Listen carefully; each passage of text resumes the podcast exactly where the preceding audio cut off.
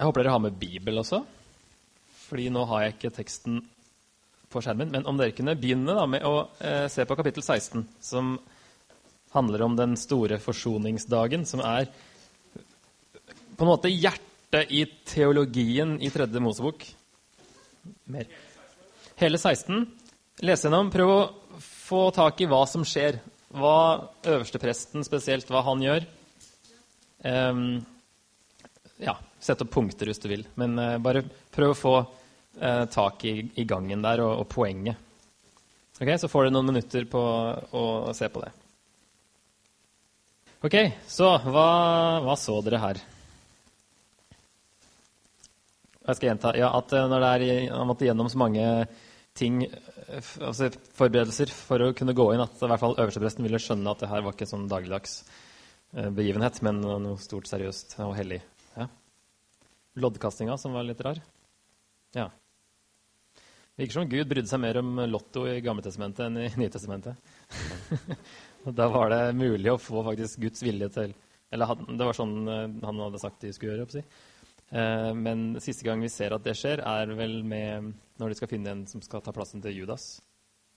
Eh, etter det så er det mer Den hellige ånd som hjelper oss, enn at vi kaster lodd. Men eh, det var eh, tydeligvis noe Gud sa dere skal gjøre sånn. At han styrte litt utfallet. Akkurat her så er det ikke så veldig stor konsekvens. Da. Det er to bukker. Liksom. den ene eller den andre de er ganske like. Det er ingen som tar mer skade av det. Ja, nettopp. Det er et ganske viktig spørsmål, faktisk. For det er flere ting som sier at, uh, også at prestedømmet skal være evig. Men eh, nå har ikke jeg sjekka akkurat der, men som regel det ordet som oversettes evig fra hebraisk, det betyr ikke evig som vi tenker det, uten altså helt infinitt, men det er en uoverskuelig lang framtid. Så det trenger ikke å bety at eh, Gud hadde egentlig tenkt det her skulle være evig, men det skulle vare veldig lenge. da. Jeg skrev opp bare sånn eh, punktvis. Um, Øverstepresten kler seg i mer ydmyke linklær. Han skulle ikke ha på seg hele den uh, kongelige stasen. Man kan spekulere i hvorfor, men det er litt annerledes den dagen her. Så skulle han da ha på seg bare det som var av lin, og så skal han skifte senere på dagen. Han uh, gjør først soning for seg selv, som Joakim nevnte.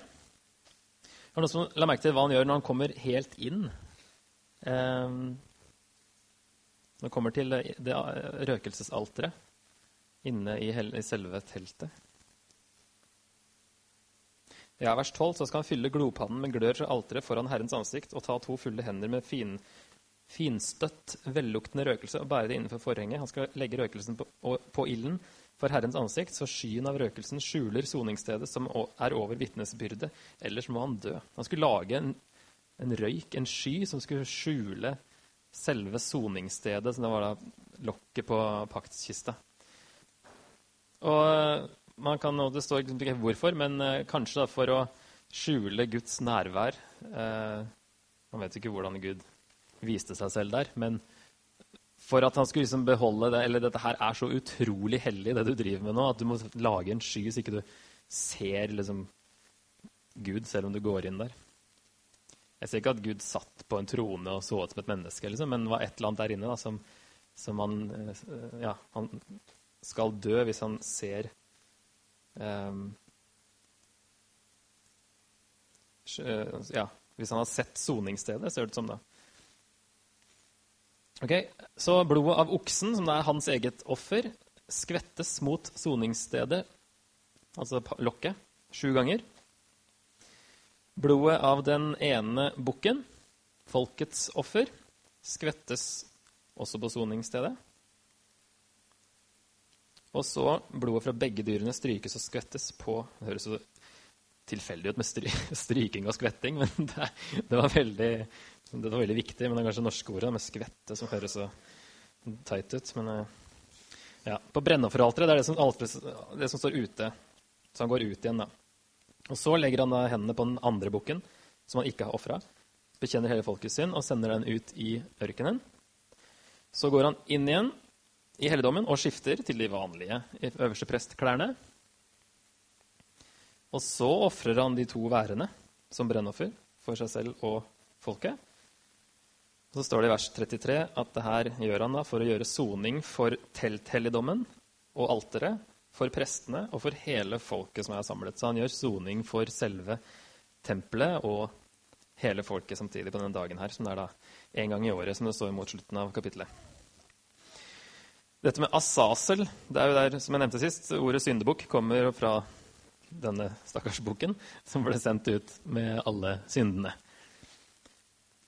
Eh, noen som vet hva det heter på tysk? jeg håper ikke dere vet det. Nei. Det er bare et veldig tilfeldig eh, ord som jeg kan på tysk, som er prygelknabe. Og det er da syndebukk. Det er et veldig morsomt ord som jeg og en kompis oppdaga i ordlista i 9. klasse. eller noe, så det um, Det er forskjellige tanker rundt det her, men um, ja, siden det ikke nevnes andre steder, så har det vært diskutert da, siden oldtiden hva det her vil si. Mest sannsynlig så er det en sånn satyr, som dere kanskje kjenner litt fra gresk eller romersk mytologi. Eh, en sånn demon som da tradisjonelt ble assosiert med en geit, eller en gud av en slags underjordisk guddom. da. Eh, og som da på den tida her ble også assosiert med ørken og ruiner og ødemark og sånt. Og i, nevnes også i Jesaja 13 et eller annet med ruiner der bukker danser. Mens i den greske oversettelsen av GT så står det der 'demoner danser'. Så det var en tydelig link mellom bukker og demoner. I hvert fall hvis de var i, i ørkenen. Ikke bukker som man ofra selvfølgelig i tempelet, men eh, de som levde ute i ødemarken og ruinene. Um, skal vi se hva jeg har Ja. Så på en måte så ble det her til at syndene som de, den geita bar, ble sendt tilbake til den demonen, eller til noe ondt noe. Sånn at de kunne bli fjerna fra folket da, og sendt tilbake der de kom fra. på en måte. Og vi vet også at de hadde lignende praksis hos andre folk på den tida. At det kanskje var vanlig å tenke da, at ondskap og urenhet måtte fjernes med da, jevne mellomrom. Her er det en gang i året. Kanskje andre folk hadde det andre tidspunkter. Og at det også kanskje er for å gi en slags visuell eh, illustrasjon, eller ja, at de ser at liksom synden fjernes. Jeg tror ikke Gud var avhengig av at uh, man måtte gjøre det på den måten her, men for folkets del, kanskje, siden de var muligens vant til å tenke litt i sånne baner. Og at da geita tar syndene bort til et utilgjengelig sted. Og det er litt sånn Gud tar syndene sant, fra øst til vest, så langt unna du ikke kan finne dem igjen. Så her på en måte var det det som skjedde, da, at syndene ble tatt eh, ut av leiren og, og vekk. Ja, Så står det at begge geitene kalles syndoffer i vers 5. Og det står at den andre her gjør soning ved å løpe ut i ørkenen. Den andre blir slakta eh, og gjør soning på den måten, og den her gjør soning med å ta syndene og stikke ut. Eh, ja, har, Man tenker at det har med sånn, denne, mm, at det har noe med bukken å gjøre fordi geit på hebraisk er ez, og det er liksom noe som ligger inni ordet hasa selv på hebraisk. Så det kan eh, stemme med at det er eh, At det hadde noe med, med geit å gjøre. Da. Men det er en liten nøtt, det der. Eh, vers 16 så står det her at han øverstepresten skal gjøre soning for helligdommen pga. israelittenes urenhet, det som du nevnte, leste i stad, Preben lovbruddene alle syndene deres. Slik skal han gjøre med telthelligdommen, som står hos dem midt i deres urenhet. Eh, og Det virker jo som at det her også inkluderte de syndene som det hadde blitt ofra for gjennom hele året. Likevel så trengtes det en sånn ekstra renselse og soning en gang i året. Siden det er da understreket alle syndene deres. Det kan ikke være bare alle de som har gjort den formiddagen, liksom. Det må vi som hadde ofra hele veien underveis. Så dette er en veldig viktig dag eh, i den jødiske da, kalender. I hvert fall på den tida her. Det er fortsatt viktig nå, men nå har de ikke noe tempel og, og sånt å gjøre det på akkurat den måten her lenger. Um, og så må vi da hoppe til hebreerbrevet igjen. det er jo en veldig uh, interessant og veldig uh, fruktbar link mellom Tredje Mosebok og hebreerbrevet. Der det står i kapittel 10 Loven inneholder bare en skygge av alt det gode som skulle komme, ikke det sanne bildet av tingene. Hvert år bæres det fram offer som stadig er de samme, men med disse makter ikke loven å gjøre dem som ofrer, fullkomne. Ellers hadde de vel holdt opp med å bære fram offer. For hvis de som deltar i gudstjenesten, var blitt renset en gang for alle, ville de ikke lenger ha noen bevissthet om synd, men ofrene er hvert år en påminning om synd. For blodet av okser og bukker kan umulig ta bort synder, sier han som skrev hebreerbrevet. Nesten sannsynlig som det var ikke noe vits å holde på sånn. Altså, det var mer en sånn Det var ikke en, en fullstendig renselse, da. Den kom jo med Jesus. Så jeg har satt opp eh, noen linker her mellom tredje Mosebok og NT. Det var veldig mye hebreerbrevet, men andre ting, andre eh, vers også. Jeg synes det var veldig interessant å se. Så når du liksom har satt deg ordentlig inn i kapittel 16, så ser du de blir enda større, de tingene som, eh, som Jesus gjorde. Øverstepresten her han måtte bære fram offer først for seg selv, og så for folket. Mens eh, i Hevrebrevet så står det at eh, Jesus er den hellige og fullkomne øversteprest som ikke trenger å bære fram offer for seg selv først, står det. Han er liksom den, vår øverste prest, og vi er på en måte alle prestene. Um, ja. Øverstepresten gikk inn i helligdommen med blodet fra oksen Oksen? oksen. Vanskeligste med norsk er de to, uh, to nemene, som det heter. Oksen, oksen. Utlendinger klarer Det er vanskelig å, å skjønne forskjell på camping og camping. Eh, været og være. Ja. Så nå gikk jeg i den fella. Oksen og bukken. Eh, Jesus gikk inn i den himmelske helligdommen med sitt eget blod. Han gikk inn sjøl liksom, med sitt eget blod, eh, som den eh, fullkomne øverste presten så står det der ja, Hebreerne sier at blodet, fra bukker og okser gjør hellig og ren i det ytre, mens Jesu blod renser samvittigheten. Så han renser da det indre. Øverstepresten bar fram feilfrie dyr. Jesus bar seg selv frem som et feilfritt offer. Blodet ble båret inn i helligdommen, men dyrene ble brent utafor leiren, står det. Og så lager også han som skrev hebreerbrevet, en link og sier at derfor led også Jesus utenfor porten. Han ser også en link der, med at, uh, han, poeng med at uh, han døde utafor byporten. Syndebukken bar bort folkets synder, mens Jesus er Guds lam som bærer bort verdens synd, står det i Johannes 1. Og der blir han også i tillegg påskelammet. Han, på måte, han oppfyller alle ofringene her som vi har sett på de første kapitlene. At de viser forskjellige aspekter av hva Jesus gjorde med ett offer. Og så I tillegg så er han da påskelammet, som ikke nevnes like mye her som i andre Mosbok. Det står de skal feire påske, men det står ikke alle detaljene. sånn sett. Um, Øverstepresten gikk inn i det aller helligste én gang i året, og Jesus gikk inn i den himmelske helligdom én gang for alle. I Hebreerne 9. Og den siste er også veldig uh, powerful. Gud viste seg i skyen over soningsstedet, som var lokket på paktkisten. Det var derfor han måtte lage denne skyen, for å ikke han skulle se Guds nærvær. Mens Paulus skriver i Romerne 3 at Gud kommer til oss gjennom Jesus, som er det nye soningsstedet. Han sier at Jesus er lokket på paktkista liksom i den nye pakt. Det linkene her er stort, altså, når du ser eh, Leser først Tredje Mosbok, og så ser den nye pakt, hvordan den henger sammen. Det er ikke sånn at Gud har plutselig en ny plan, men det, det bygger på hverandre. Så Jesus oppfylte alt med den dagen her, den store forsoningsdagen. Og på en måte konsumerte hele det ofringssystemet i GT. På, ja, derfor han sier jo at han oppfyller jo loven. Og Derfor skriver da forfatteren av hebreerbrevet at eh, så har vi da, søsken, frimodighet ved Jesu blod til å gå inn i helligdommen, dit han, ba, dit han har innviet en ny og levende vei for oss gjennom forhenget, som er hans kropp. Og siden vi har en så stor prest over Guds hus, så la oss komme fram med oppriktig hjerte og full visshet i troen, med hjertet renset for vond samvittighet og kroppen badet i rent vann. De der lovsangene får litt mer mening. Med, på grunn av Jesu blod har jeg frimodighet til å gå sånn. Like inn. Aller helligste sted. Når du ser hvor hellig det var.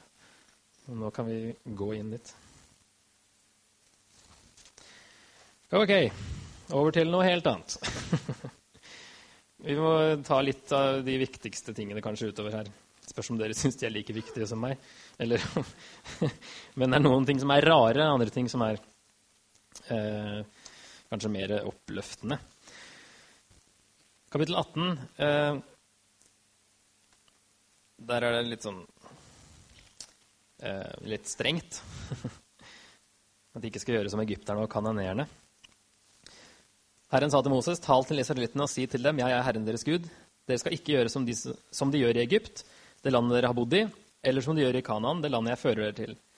Dere skal ikke følge deres forskrifter. Mine lover skal dere holde, og mine forskrifter skal dere akte på, så dere følger dem. Jeg er Herren deres Gud, dere skal holde mine forskrifter og lover. Det er sånn gjentagende, det som er viktig her. Det mennesket som lever etter dem, skal ha liv ved dem. Jeg er Herren.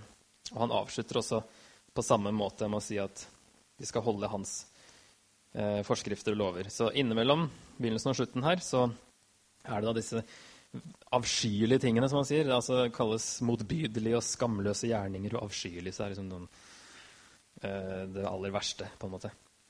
Um, og det er jo ganske avskyelige ting som nevnes her.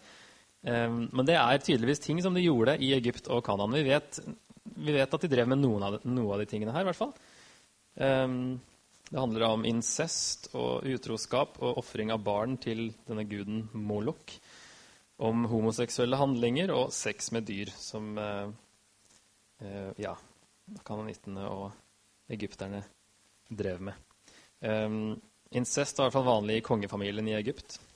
For å liksom holde linja ren, på en måte. Um, så Gud sier her at spesielt de tingene her må dere ikke drive med. og Det har jo sine gode grunner. Eh, så sier han til slutt.: Gjør dere ikke urene med noe slikt? I vers 24. For de folkeslagene som jeg vil drive ut for dere, har gjort seg urene med alt dette. Landet er blitt urent. Jeg straffet det for synden, så landet spydde ut dem som bodde der. Men dere skal holde mine forskrifter og lover og ikke gjøre noen av disse avskyelige gjerninger, enten dere er født i landet eller er innflyttere der. For de som bodde i landet før dere, gjorde alle disse avskyelige gjerningene, og landet ble urent. Da må ikke landet spy dere ut fordi dere gjør det urent, slik det har spydd ut det folkeslaget som var der før dere. For alle som gjør noe av dette som er avskyelig, skal støtes ut fra folket sitt. Så landet er på en måte en sånn på en måte en buffer mellom Gud og mennesker. Eller i hvert fall de som bor Du ser det senere i kapittel 25, at de som bor i landet, de må leve etter Guds vilje, ellers så blir de kasta ut.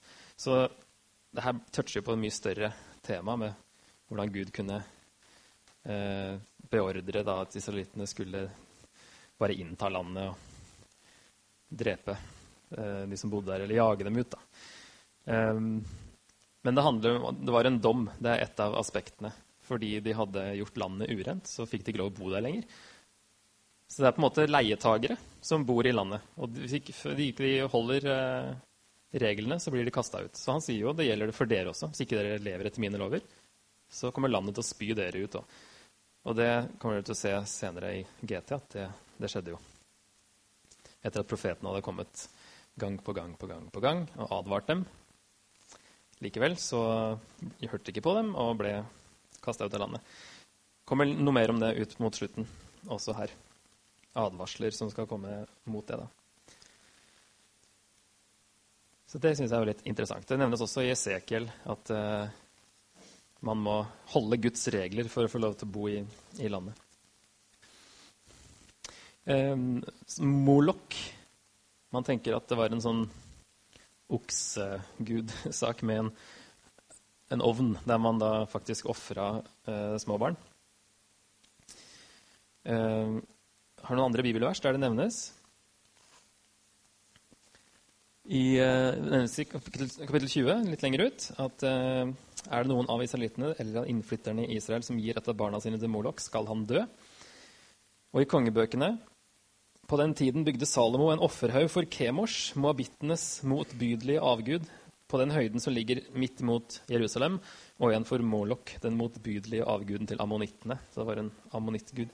Nå ser du her kanskje at Salomo var ikke så veldig eh, Vi har kanskje et veldig sånn positivt bilde av Salomo, men mot slutten av livet sitt så eh, føk han litt på tur. Og bygde til og med en offerhaug for eh, denne motbydelige avguden.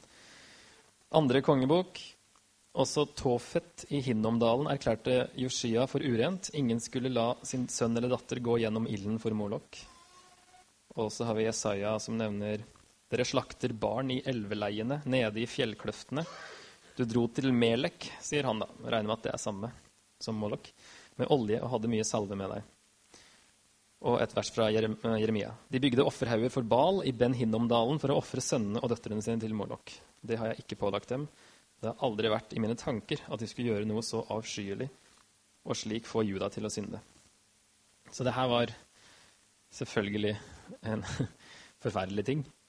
Eh, men de tenkte vel at det var noe De fikk noe tilbake for å gjøre dette her fra disse andre avgudene. Det er rart hvor fort folket klarte å glemme Gud altså når du leser i kongebøkene. og sånn, Det er liksom hele veien.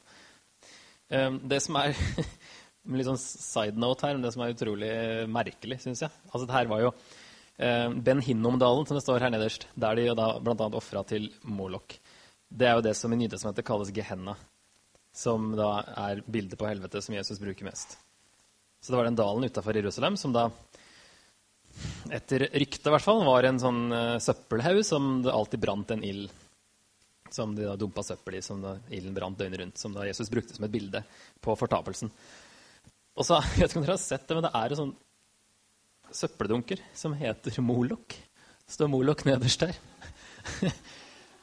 Et finsk selskap som har over hele verden. Sånn litt sånn halvunderjordiske søppeldunker.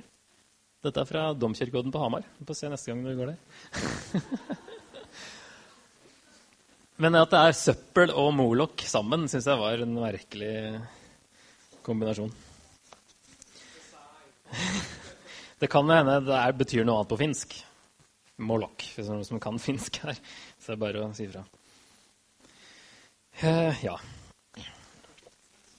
Det var kapittel 18. Der er det veldig avskyelige ting som nevnes. Og så kommer vi til kapittel 19. er litt mer positivt. Der er det mer sånn, ja, Overskrifta her i denne bibelen er 'hellighetsregler for israelittene'. Og her er det veldig mye som vi eh, kjenner, egentlig. De fleste av de ti bud gjentas her. Um, og så har vi det verset i vers 18. Eh, du skal elske din neste som deg selv. Det nevnes bare her i GT. Og det bruker jo Jesus i Nytestamentet, som oppsummerer loven. Elske Gud og elske sin neste. Også det nøkkelverset som jeg hadde på begynnelsen, også, med at dere skal være hellige, for jeg er hellig, det, det begynner det med i vers 2. Og kommer også igjen i eh, kapittel 20. Eh, så det er det er det som, er, det som jeg har sett som hovedtema, at Gud vil at de skal leve uh, hellige liv. Så er det også veldig mye 'Jeg er Herren deres Gud' i det kapittelet her. Sju ganger. Totalt er det 21 ganger i tredje Mosebok. Og nestemann på lista er Esekiel. Han bruker det fire ganger. Så det er veldig mye 'Jeg er Herren deres Gud' i tredje Mosebok. Så det er tydelig at den relasjonen er det viktigste. Alt springer ut fra den. Er nevnt mer i kapittel 19 enn i noen annen bok i Bibelen. Og det er også sånn de ti bud åpner. ikke sant? Det er veldig, det er der det begynner. Um, vi kan plukke ut noen, noen, vers som er litt interessante. I vers 9 eh, Når dere høster inn korn i landet, skal du ikke skjære kornet helt ut til åkerkanten, og de aksene som ligger igjen når du har høstet, skal du ikke sanke sammen. På vinmarken skal du ikke sanke de druene som blir igjen, eller plukke dem som er falt ned. Du skal la dem være igjen til de fattige og innflytterne. Jeg er Herren deres Gud. Hva tenker dere om uh, den loven? Hvorfor, uh, hva er poenget med den? Hvordan, uh, hva har den som et prinsipp som vi kan til og med bruke i dag? De får litt mer verdighet av å faktisk føle at de har jobba litt for det. Og ikke Det er jo litt sånn i bistand at det er bedre å gjøre det på den måten enn å bare hand out cash. At man blir lat. Og eh, det her er Er det noen som jobber i Nav her? Dette er et prinsipp man kunne bruke, og de faktisk brukte jeg tror det var i Telemark, for å få om det var arbeidsledighetstrygd eller et eller annet, så måtte man ha jobba eh, i løpet av sommeren. eller noe. De hadde liksom innført noe der, og de så veldig konstruktive resultater av at de hadde innført en sånn Du må jobbe litt for det. Eh, ikke bare få og få. Så der har de faktisk anvendt et bibelsk prinsipp fra Mosebøkene.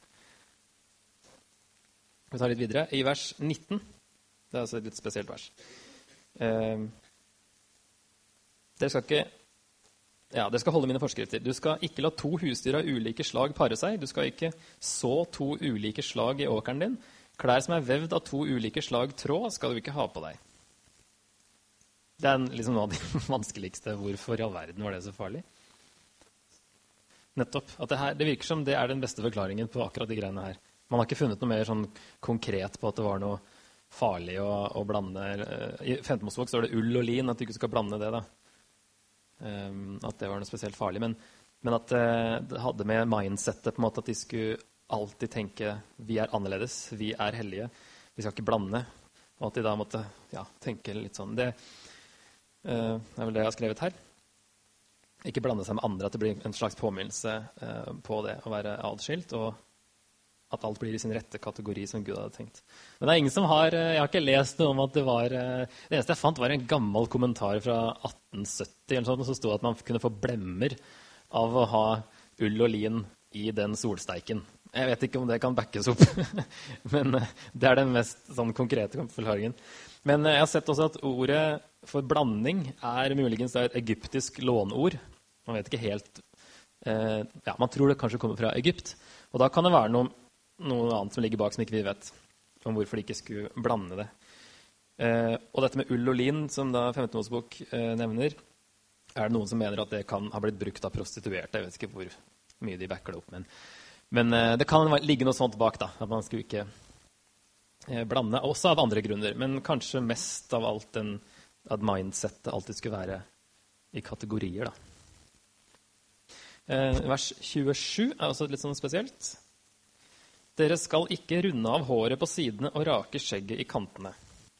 Eh, hvis vi ser litt på konteksten det står i, det kan hende at det hjelper, så står det da i vers eh, 26 dere skal ikke drive med spådomskunster og tegntyding. Og vers 28. Dere skal ikke rispe dere opp på kroppen i sorg over den som er død, og ikke brenne inn skrifttegn på dere. Så hvis konteksten har noe å si, så ser det ut som at det her er noen sånn hedenske skikker. Eh, det kan være faktisk eh, at det er en kanoneisk skikk å ofre litt av håret for å blidgjøre noen eh, de dødes ånder. Eh, så det er mulig at det er noe sånt også. Mye, mye vi ikke vet, men uh, Gud hadde sine grunner. Så når det føles litt sånn herlighet for en lov, så kan det være noe sånt som ligger bak. Ja, jeg skal ta litt sånn Etter pausen nå så kan vi ta litt sånn, uh, prøve å kategorisere de forskjellige lovene litt. Uh, nå har vi sett litt på sånn, de kanoneiske skikkene. Det er kanskje én kategori, og så har du litt andre ting som skal ta litt mer ordentlig. Sette opp uh, noen forskjeller. Um, ja, så den vers 28 uh, eh, Det er trolig ikke det sies Altså Det er trolig greit å ha tatovering i, i, dag.